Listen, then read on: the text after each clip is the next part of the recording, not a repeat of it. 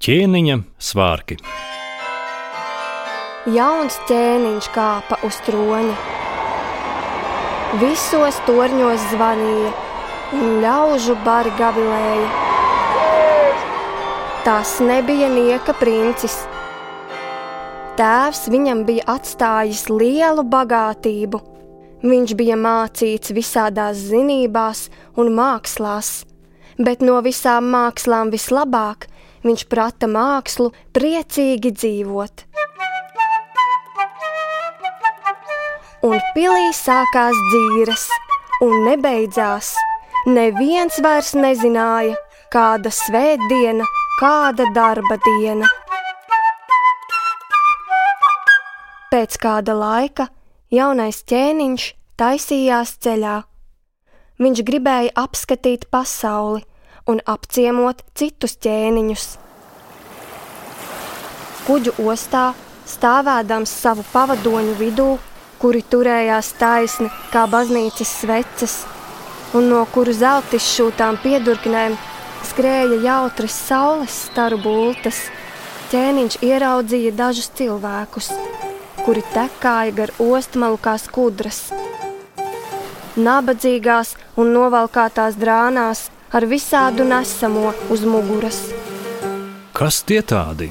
Tavi nastu nesēja ķēniņi. Un kas viņam uzšūts uz muguras? Vai tās ir činas? Ielāpi mans ķēniņ. Kas tas ir ielāpi? Tas ir kūšs, kur pliks. Un kāpēc viņiem ir ielāpi? Tāpēc mans kungs un ķēniņ, ka viņi ir slinki un dienas zagļi, un ka viņiem ir daudz bērnu, paši vainīgi.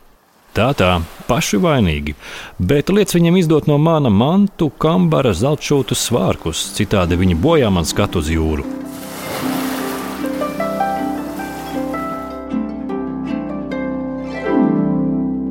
Kad ķēniņš atgriezās no ceļojuma, ostmalā stāvēja tie paši nastu nesēji, vecos novalkātos darba svārkos. Vai tu izpildīji manu pavēli? Jā, kungs ķēniņ, es liku izdot viņiem no tava mantas kambara zeltšūtu svārkus. Es darīju, kā tu pavēlēji. Liec, lai viņi rīt atnāk uz pili. Es gribu zināt, kāpēc viņi nevalkā manus svārkus, ko es viņiem žēlīgi dāvināju.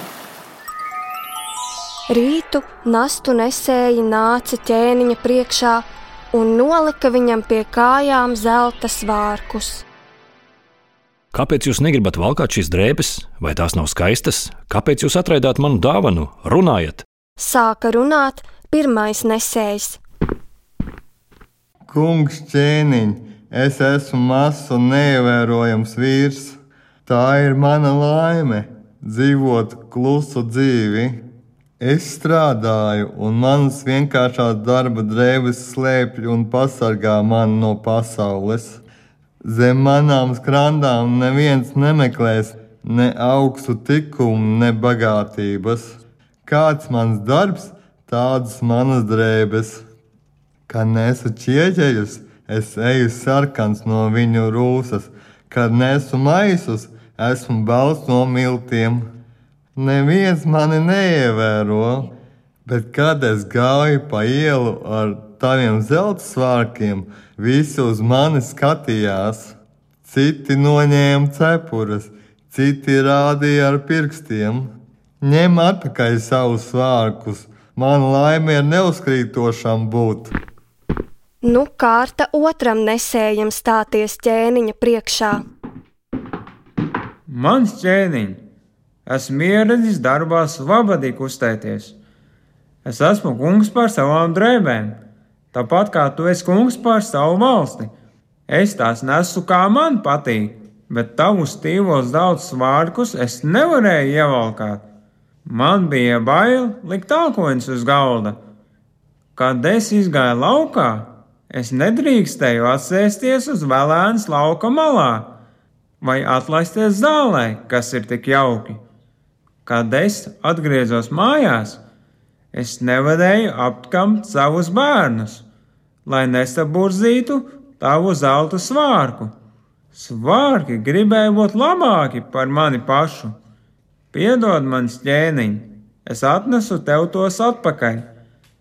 Es mīlu cilvēkus un pielūdzu Dievu, bet elku es negribu mājās turēt. Arī trešais nesējs vērsās pie ķēniņa. Mans ķēniņ, tavus svārkus es aiznesu un uzkāru mājā pie sienas, un visa mana nabadzība nobalēja viņu priekšā. Es biju izticis ar gabalu maizes un malku ūdens. Tagad es sapņoju par zelta biķeriem un sudraba bļodām, par dārgiem ēdieniem un dzērieniem. Tavi svārki man noskauda visu, kas man bija. Nekas man vairs nedarīja prieka. Es apskaudu visus, un nekur man nebija miera. Naktī es ložņāju gar bagātnieku durvīm un domāju, kā varētu ko nozagt. Ņemat atpakaļ savus zelta svārkus, pasargājiet mani no kārdināšanas. Es gribu izlīgt ar savu dzīvi un iztikt ar savu nabadzību. Jaunais ķēniņš domīgi noklausījās nastu nesēju vārdos. Ejiet ar mieru! Tad viņš novilka savas zelta drēbes, un visā zemē sākās ražanas un auglīgas darba dienas.